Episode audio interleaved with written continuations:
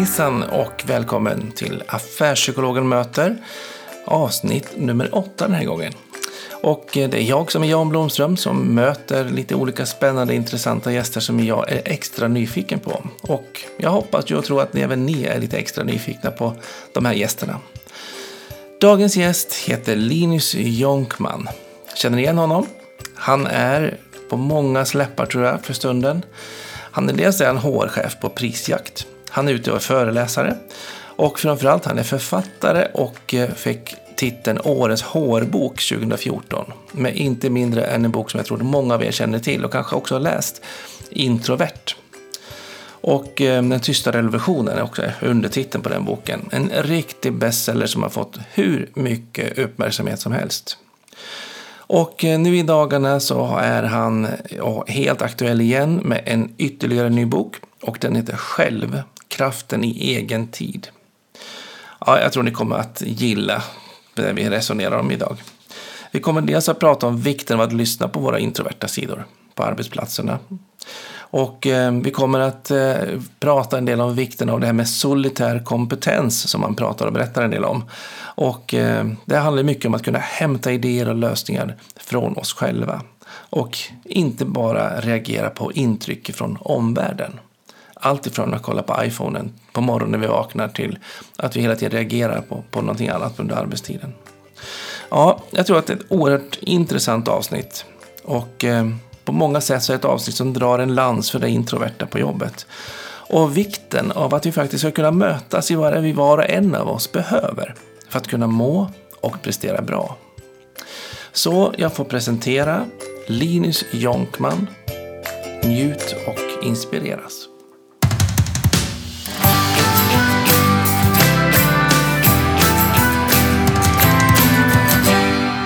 Ja, Linus Jonkman, hjärtligt välkommen till Affärspsykologen möter.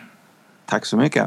Så trevligt att vi fick till det och att du hade lust och möjlighet att vara med som gäst. Har dagen varit bra? Den har börjat väldigt bra tycker jag. Ja, absolut. Ganska tidigt i sig på dagen är det ju så att det ja, blir inte bara har morgonen varit bra. en vacker men väldigt eh, dimmig grå morgon i Skåne. Ja. Det, det tilltalar mig ändå. Det är någonting, någonting lugnt över det. Ja, men det är inte så dumt det där. Skåne har ju haft eh, vår ganska länge har jag förstått också. Mm. Så det är väl njutningsfullt. Eh, du är ju författare. Du är talare. Och du är HR-chef på Prisjakt. Mm. Och du är säkert miljoner andra saker också. Men det är de delarna jag tycker är som jag har fastnat för. Sen är du förälder och du har hus och du har lite andra projekt säkert. Men författare, talare och HR-chef. Det gör ju att jag blir jättenyfiken på vad du är och vad du gör. Jag vet att du har skrivit Årets HR-bok 2014. Du är författaren av den helt omåttligt populära boken Introvert som jag tror de allra flesta känner till. I någon form i alla fall. Och otroligt många har även läst den. Och sen är du ju precis utkommen med en ny bok som heter Själv. Men det jag är lite nyfiken på. Vem är du? Och hur sjutton har du blivit den du är? Jag vill börja den änden. Det var väl den mest öppna frågan jag någonsin fått. Ja, uh, ja jag vill nog påstå som, som så här att uh, oj, ja, arv och miljö men jag, jag tror att anledningen till att jag skriver böcker hänger mycket ihop med min uppväxt. Att jag hade väldigt mycket egen tid när jag växte upp. Väldigt mycket möjlighet att utveckla en sån slags solitär kompetens med att skriva och teckna och rita och drömma och sitta i ett äppelträd och fundera om rymden och så här. Och jag ja. tror att det har varit någon slags plattform för det jag gör. Så att mycket av jag funkar som person är just att jag, jag tänker i, i, berättelser och så. Så att det har legat väldigt nära till hands på något sätt att, att börja skriva böcker. Mm. Och kanske, och jag tror så är det för alla när man egentligen tänker tillbaka, att när man funderar på det man gör så finns det ofta något litet vägskäl någonstans långt, långt, långt bak i tiden som mm. man kanske just där inte förstod vad det var. Och för min del så, så vet, har jag kommit fram till vad mitt vägskäl var. För det var någonstans när jag gick i kanske andra klass så hade vi gymnastik och eh, jag höll på att spela fotboll. Och då hade jag en, en gymnastiklärare som sa så här lite klumpigt till mig att eh, Ja, men sa han, eh, alltså, alla kan ju inte ha bollkänsla. Mm. Och eh, det som hände då typ något drygt år senare det var att vi hade en svenska lärare då som lämnade tillbaka en uppsats istället. Och så på, det, på den uppsatsen så hade de skrivit i, eh, marginalen så här med väldigt, väldigt vacker handstil. Jag kan Ja. minnas det. Så hade de skrivit att Linus, jag tror att en dag så kommer du bli en författare. Okej. Och jag tror att generellt så gör man ju mer av det man får beröm för och mindre av det man får kritik för. Så att jag är riktigt, riktigt dålig på fotboll. Men just att skriva böcker har ju liksom blivit min grej. Så jag tror att det tände någon lampa där. Att, ja, det kan jag nog göra. För de, den fröken eller läraren såg någonting i ditt sätt att skriva då? Och uttrycka Ja. dig? Får hoppas det. Eller så bara planterar de en positiv tanke som Så blev... kan det också vara. Ett experiment. Det är svårt att säga. Sen så är jag ju introvert som person så att jag tror att det är också en grej som gör att då blir det väldigt lätt för de här extremt stillasittande uppgifterna som bygger mycket på att vända blicken inåt. Så jag tror att, att det ligger lite i linje med personlighetsmässigt också med mig att, skriva. Mm. Man, Hur, hur kom det sig att du var så, hade mycket egen tid? Är det att du mer valde dig själv utifrån att du hade den introverta sidan eller var det att ni bodde på en fjälltopp och inte hade någon folk runt er? Eller? Ja, det ut? Lite, lite, lite både och tror jag. Vi bodde i en lite, väldigt liten kustby i nordvästra Skåne. Det var typ fyra hus som jag minns det när man var liten. Och det var, Ja. Det var dessutom en tid i historien när man, när man uppfostrade barn så hade man en bild av att barn skulle ha väldigt, väldigt stor möjlighet att röra sig runt och upp, upptäcka världen själva. Så det var ganska fritt liksom på det viset. Ja. Sen så växte jag upp utan min biologiska pappa och min mamma. De skildes ganska tidigt. Så att det- var liksom jag och mamma och morfar och en basset ganska länge faktiskt också när jag växte upp. ja. Så det, det, det blev naturligt i miljön. Det var- Basset den spelar man inte så mycket fotboll med. Nej, verkligen inte. Nej. En- basset är ju alltid melankolisk liksom. Så att det, den vill ju ingenting. piggar inte upp tillvaron. Nej, Den bara ger lugn och, och fotfäste kanske. exakt. Det är en bra kompis som man gillar att sitta och, drömma om rymden som sagt. Ja. Eh, nej, sen så är det mer om man följer arbetslivet och så. Så lite som jag beskrivit i min bok så jag, jag tillhör de människorna som ganska tidigt i livet skapade med någon slags eh, yttre mask så här för att passa in. För att när man egentligen gillar sitt äppelträd och drömmer om rymden så blir det lätt att man inte riktigt passar in och man eh, har en tendens att glida bort ur de här större sociala sammanhangen. Typ sammanhållningen i en klass exempelvis. Mm. Så för min del så, så ganska tidigt i livet så tog jag mitt alter ego då att jag skulle bli den rolige. Okej. Eh, Så att jag blev istället väldigt, alltså det är lite så här den som hörs ganska mycket i ett rum och som eh, drar mycket skämt om vikarierna och så. Eh, och den, den rollen den hade jag i ganska många år och det var lite, nästan så att jag glömde bort att det bara var en roll. Och Blir det att du blev den rolige på andras bekostnad då? det blev ju lite så. Alltså, För, för det är den, den erfarenheten har jag lite grann just att är är man introvert och ska ta på sig den här roliga då blir man oftast lite mer kanske lite mer nedlåtande och taskig mot de andra än om man är extrovert och, och är rolig för då, då har man ju energin utåt ändå och man behöver liksom inte ta kraft i något annat att ta spjärn ifrån liksom. Men Det det, är bara en tanke bara. Det, det kan ju stämma. Ofta är det så. Jag, jag tror just det, jag tror humor slår ofta på båda hållen. Alltså man, man driver med sig själv, man driver med andra och så använder man det lite som ett... Jag har använt det mer som ett verktyg för att bryta isen. Mm. För att bli accepterad men utan att behöva då vara eh, den jag som man då tänkt att alla kanske inte gillar. Mm. Så att, jag tror en, en av anledningarna till att jag skrev introvert det var ju för att långt senare i livet så blev det så uppenbart just den här skillnaden mellan hur man beter sig och vad man egentligen har för personlighet. Liksom att, är så, det är så himla kraftfullt egentligen när man tänker sig att man bara förstår skillnaden mellan det här att, att ja, men hur du beter dig i ett rum det är just ditt beteende. Men hur det känns att vara i det här rummet det är din personlighet. Mm. Och i den bästa av världar så är förhoppningsvis de två samma sak. Mm. Och det, och det var det som, som slog mig att ja, men så har det inte varit för mig på väldigt länge därför att arbetslivet målar hela tiden upp en bild av att man ska vara utåtriktad och ta plats och säga någonting i alla möten och så vidare. Och skolan gör samma sak. Och det, det var lite det som introvert handlar om kanske, just det där bejaka den sidan. Jag hade en gäst här för ett par avsnitt sedan som heter Margareta Lycken. Och hon har jobbat mycket med personlighetstyper och typologi och så. Och hon pratar ju om, om just personlighetstyperna som, som vårt mentala skelett. Så, och, och sen vad vi gör är liksom själva köttet eller hullet som vi har på, på skelettet. Så vi har en stomme men vi väljer att ta på oss eller kan träna upp och vi kan anpassa formen på vårt skelett eller på, på själva vår kropp. Eh, Och det gäller ju att någonstans att det går i takt med skelettet annars så blir det ju ganska tufft. Mm. tänker jag. Jag tror att det är många som spelar en roll och, så här, och, och ändrar sig för att lösa en situation. Men jag tror det farliga är ifall man kommer på sig själv med att man gör det hela tiden. Mm. Vad, vad betalar du för pris då för att du klev in i den rollen eller klädde på dig rollen? Och inte var den du var? Jag var väldigt stressad vissa perioder. När, för, för det eskalerade lite liksom. Att eftersom jag var den som tog mycket plats i ett rum och sa roliga saker så missförstod en del människor i arbetslivet det som att jag hade ledaregenskaper, vilket det absolut inte betyder. Men i, vår kultur blir det lätt så att man, man ja. tänker så. Den mest pratglada borde vara chef. Mm. Eh, så att det eskalerade så jag fick mer och mer ansvarstyngda roller och mer och mer eh, liksom personalansvar och mer den sociala kontakten. Mm. Och när det var som värst så var det verkligen så att ja, men jag jobbade hårt för jag är ganska ambitiös som person. Så, men eh, sen efter arbetstid så var jag kände mig alltid så att det surrade i huvudet, man var yr, man hade jättedåligt närtidsminne, man hade ingen, ingen ork att prata med någon annan egentligen. Nej. Så att det, det blev liksom balansen och ventilen blev väl det att man skar bort allt annat socialt utanför arbetet. Mm. Och det tyckte jag var väl ett pris. Men du kunde återhämta dig? Du har inte gått väggen och sådana saker? Så att du har liksom... Jag har definitivt varit och rört mig i det gränslandet. Ja. Jag har fått, fått mig en del tankeställare kring det där. Jag har fått anledning att verkligen revidera mitt sätt att vara på, mitt sätt att planera livet på. Mm.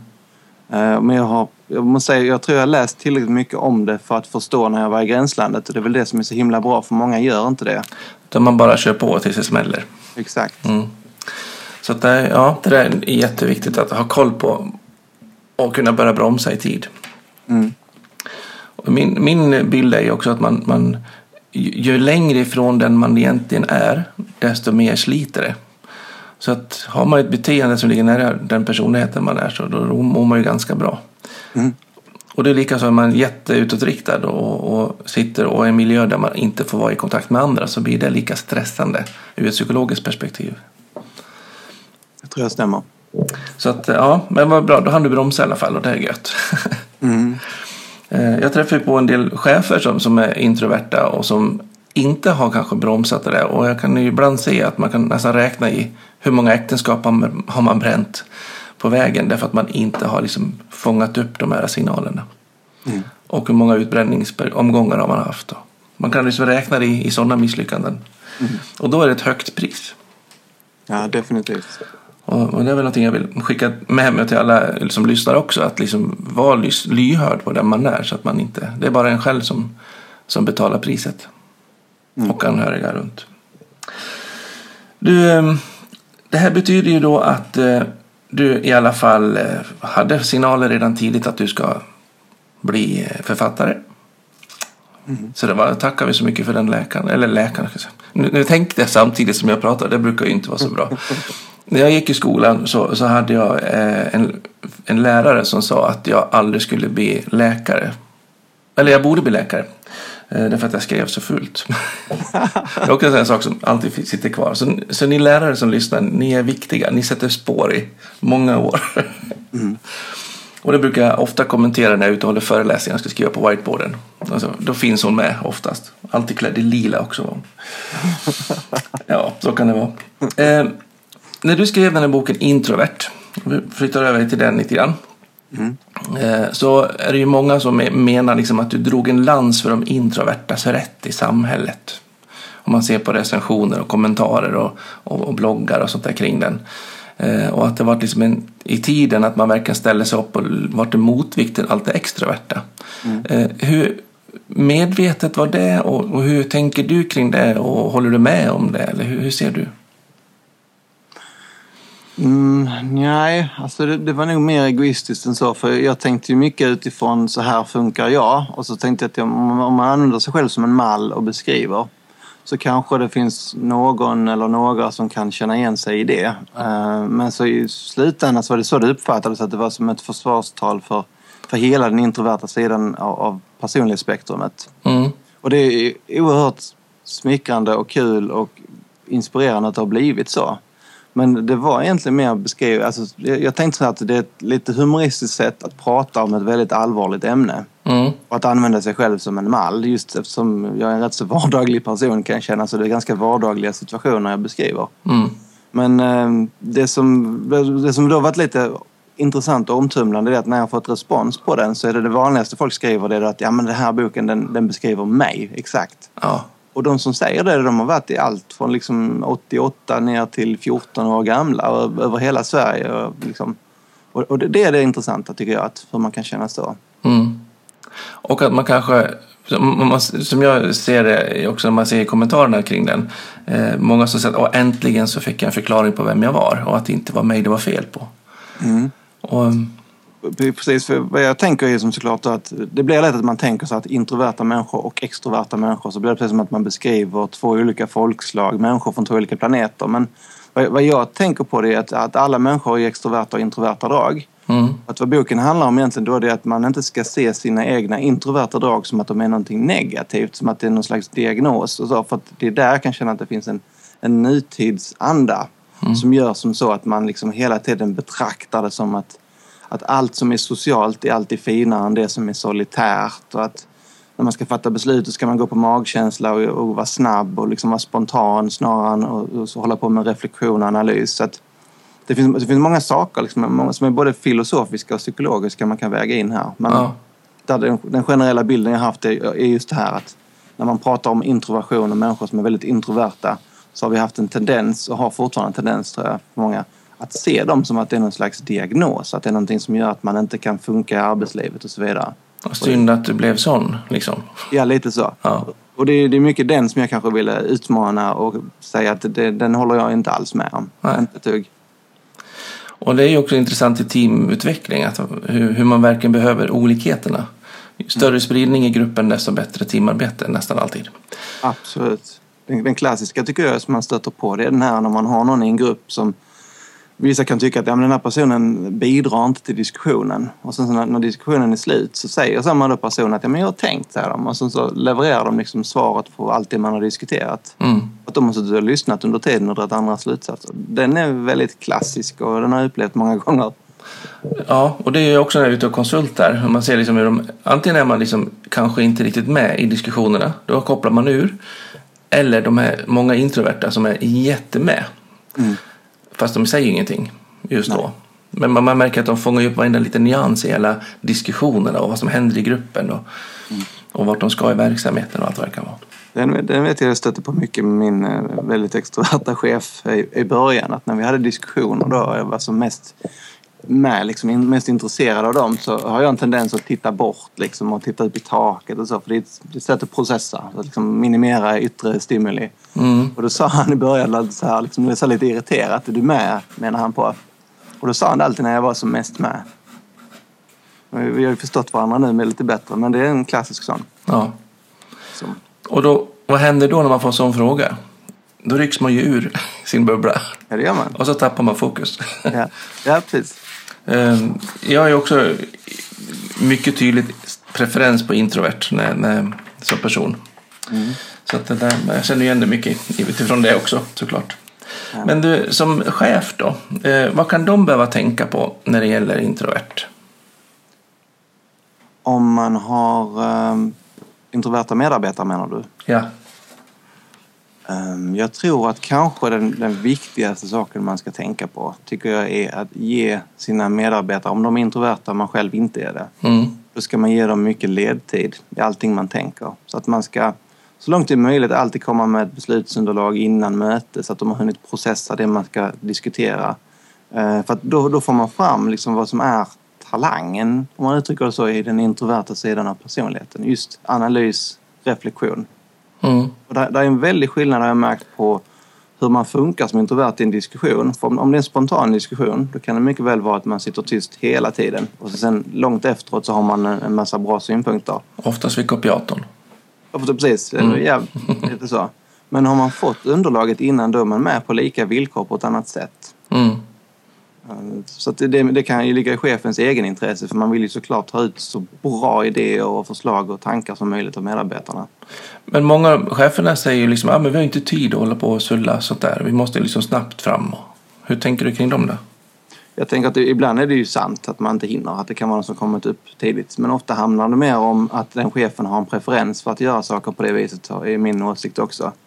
Vissa chefer har en preferens för att göra saker spontant och de gillar inte att planera utan de prioriterar andra saker snarare än att, än att planera. Mm. Jag tror det är både en disciplinfråga och ibland så är det omständigheterna som är så. så Mm. man har förståelse för det också.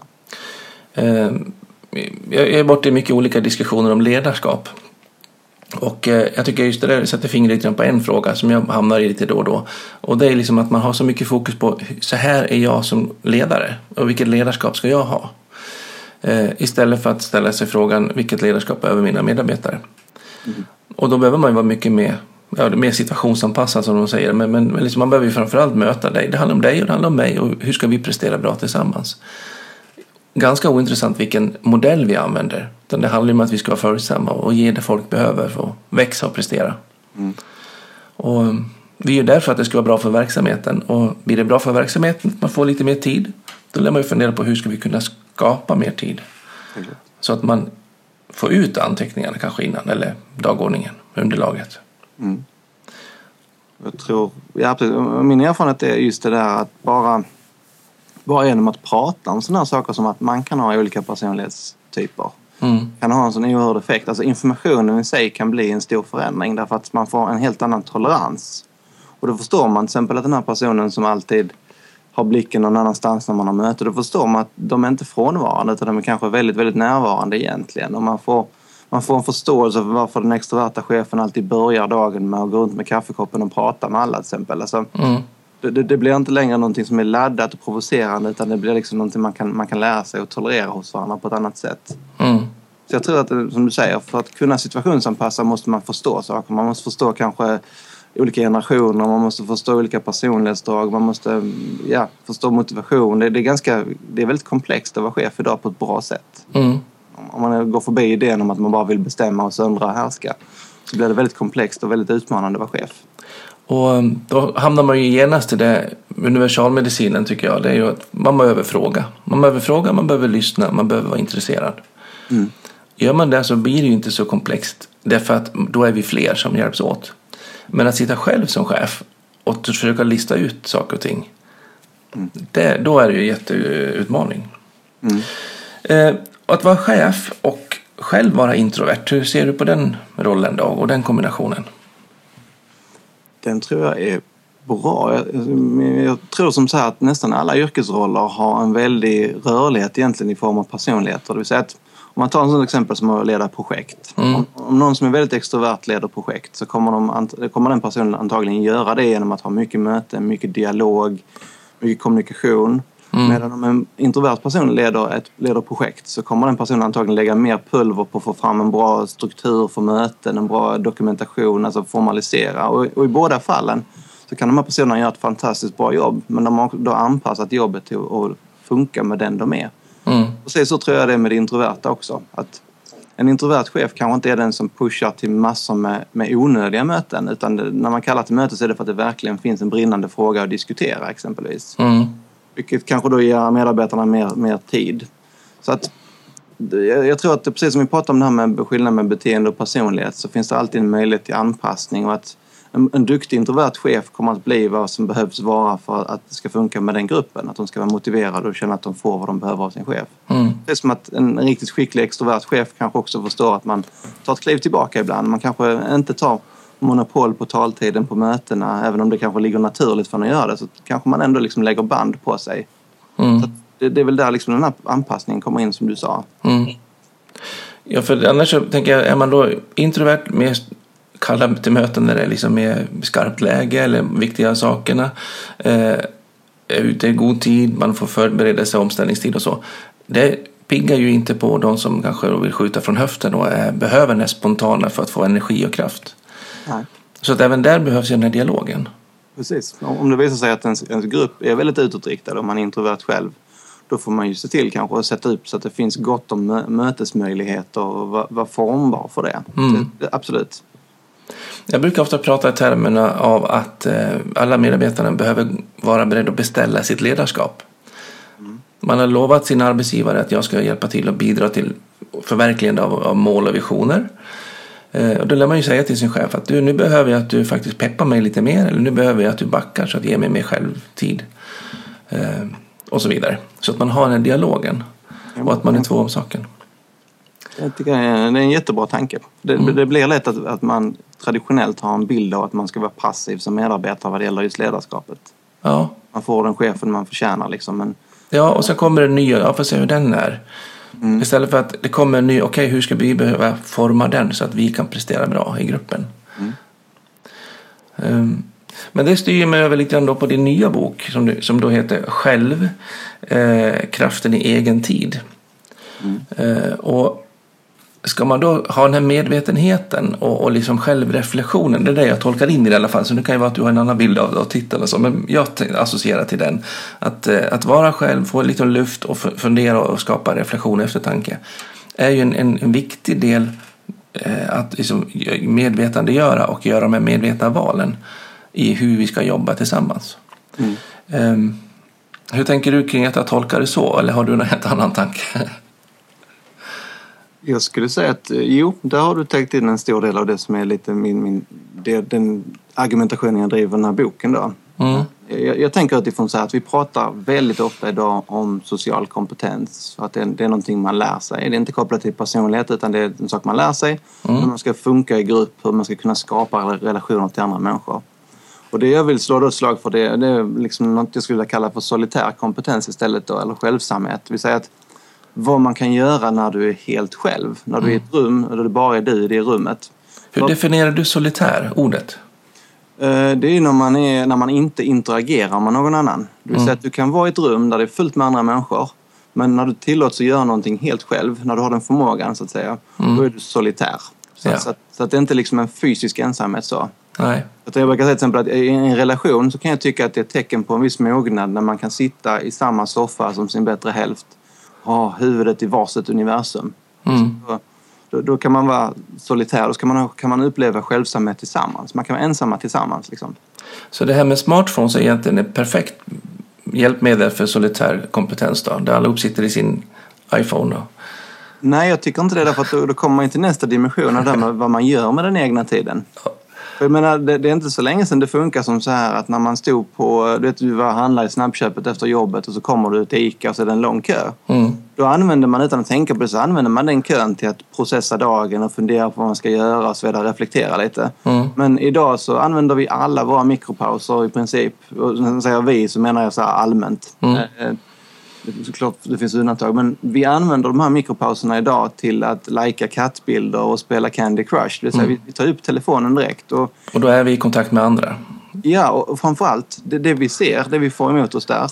Det är ingenting som vi själva har planerat utan det är någonting som vi kommer att reagera på men vi vet inte vad reaktionen är för att vi blir serverade med intryck. Mm. Vill säga hjärnan gillar ju det för att det är väldigt energieffektivt. Vet att den behöver inte tänka egna tankar, den blir serverad saker. Mm. Och det, den kan ju vara att den blir serverad någonting som är ett politiskt inlägg som får dig att gå i taket när du står i kön på ICA. Ja, Irriterar dig, det kan vara något som får dig att skratta. i sig, Men, men poängen är att det är inte du som skapar de tankarna. precis. Så en, det, det har jag med och skrivit en hel del om i boken, just den här förändringen. Att vi, vi nu har gått ifrån att reflektera till att reagera när vi har tid över. Ja, till och med det vanligaste sättet att börja morgonen på är att folk sträcker sig efter telefonen och så kollar man på vad som hänt på Facebook. mm.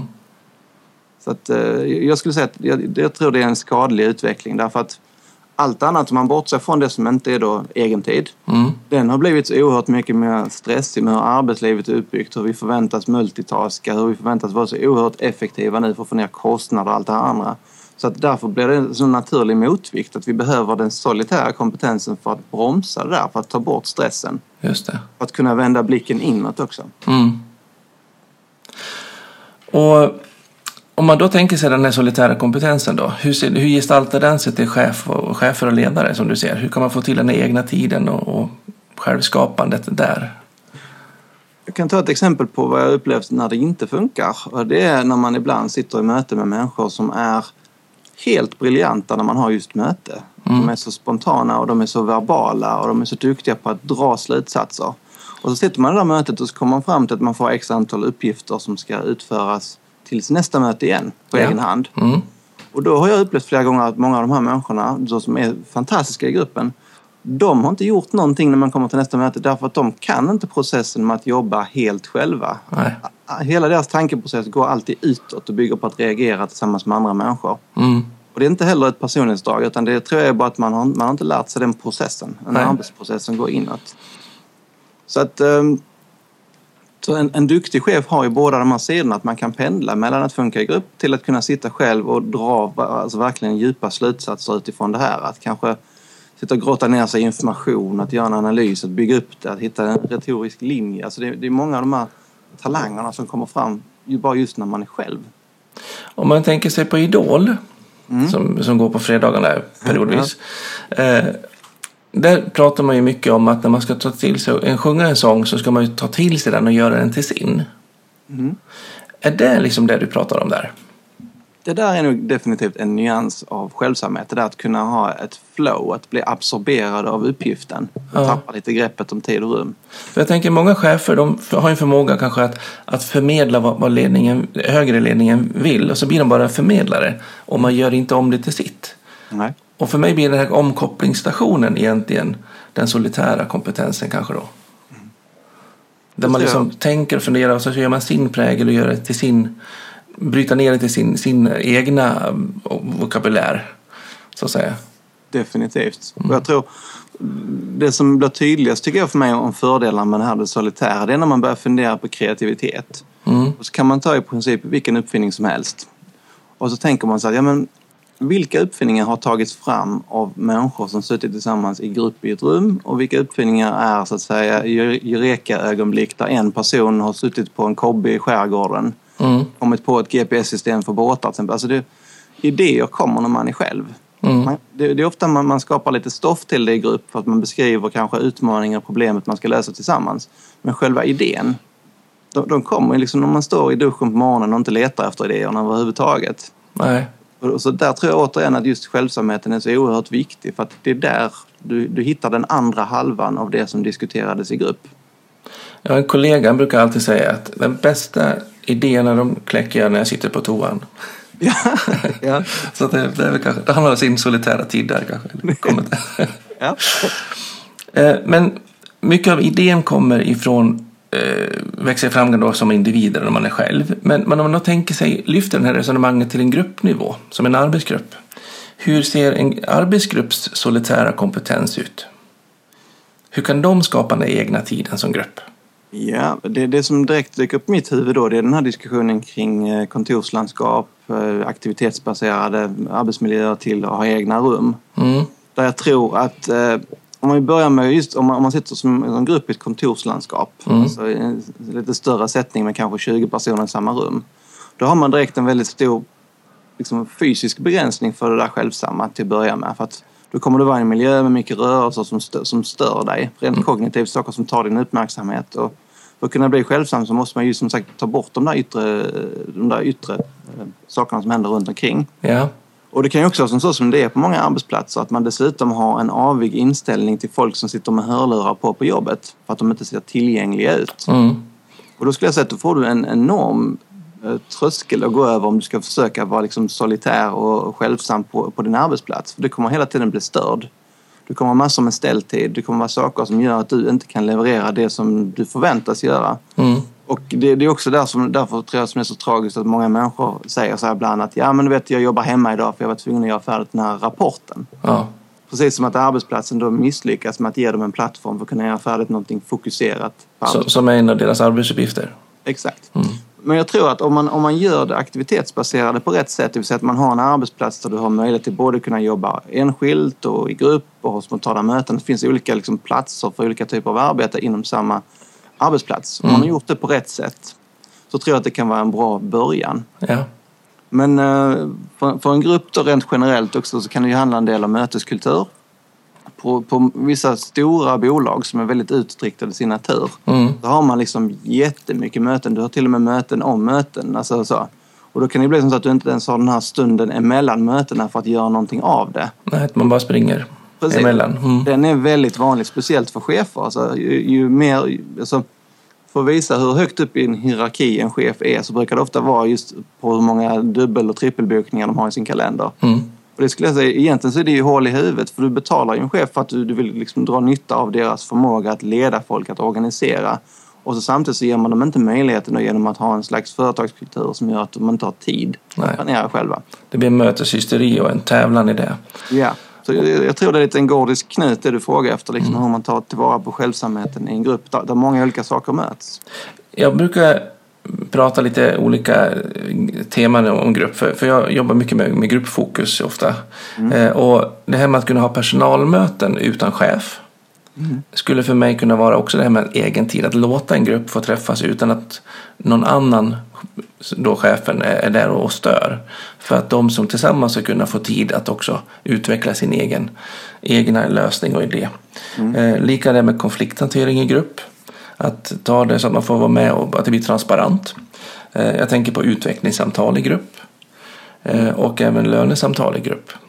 Där man får hantera saker, även om det inte är rent översatt kanske till just din, ditt resonemang om solitär kompetens eh, och, och egen tid kring det. Men, men det är också en variant av egen tid, tänker jag. Där man inte alltid behöver liksom svara upp till sin chef på sittande plats, utan vi får en lugn och ro, prata ihop oss och sen är vi överens om en idé som vi lyfter upp, eller vi lyfter upp att vi inte är överens om så ska vara. Men det blir också ett sätt att, som jag tänker i alla fall, att man kan få tid att få, fånga upp vad, vad är det jag tänker, vad är det jag tycker, vad tror vi på, vad tror vi inte på. Och vi kan använda varandras resurser till att lyfta upp det. Och där finns det också utrymme, nu babblar jag på här känner jag, men det finns det också utrymme att, att, att få vara lite mer eftertänksam för de som är mer introverta. Och man får vara lite mer idéspruta för de som är mer extroverta i den grupperingen. Ja, ja, det, jag håller med. Ehm, jag kan säga, jag jobbar ju på en arbetsplats där det finns väldigt många introverta. Mm. Här har det kanske vuxit upp en lite annorlunda sätt att jobba på, tror jag, baserat mycket på det. Men, och, och en av sakerna som jag verkligen har, ser, ser fördelarna i det är att vi har väldigt mycket av vår kommunikation här över chatt. Mm. Att om, om jag vill fråga någon någonting i ett rum, ett, ett rum bort så kan man ju tycka att ja, men det praktiska borde ju vara såklart att jag går dit, knackar den personen på axeln, frågar så kan de svara på tre sekunder om det är en enkel fråga. Men om man är lite slugare så, så vet man ju att ja, men det är ju inte tre sekunder jag tar av den personen utan jag tar ju en, en kvart av deras tid. Man räknar i effektiv ställtid för att många jobbar med fokuserade uppgifter. Mm. Så ofta om man vill fråga något så skickar man ett chattmeddelande och sen kan de titta ner på chatten när de har tid, när de har löst det de gjorde för tillfället. Just det. Det, säga, det, är ett sätt att ge folk möjligheten att hamna i den här bubblan och bli absorberade av det de gör och, göra det bästa så att säga, av, jobbet. Mm. Så jag, jag tror det finns många sådana saker man kan liksom laborera lite med hur man ska göra för att Och tycker du om arbetsplatserna som har stängd dörr in till sitt kontor och sen så rycker i alla fall kollegorna upp dörren och säger du jag ska bara. Mm. det är motpolen till det. Stör allt och alltid.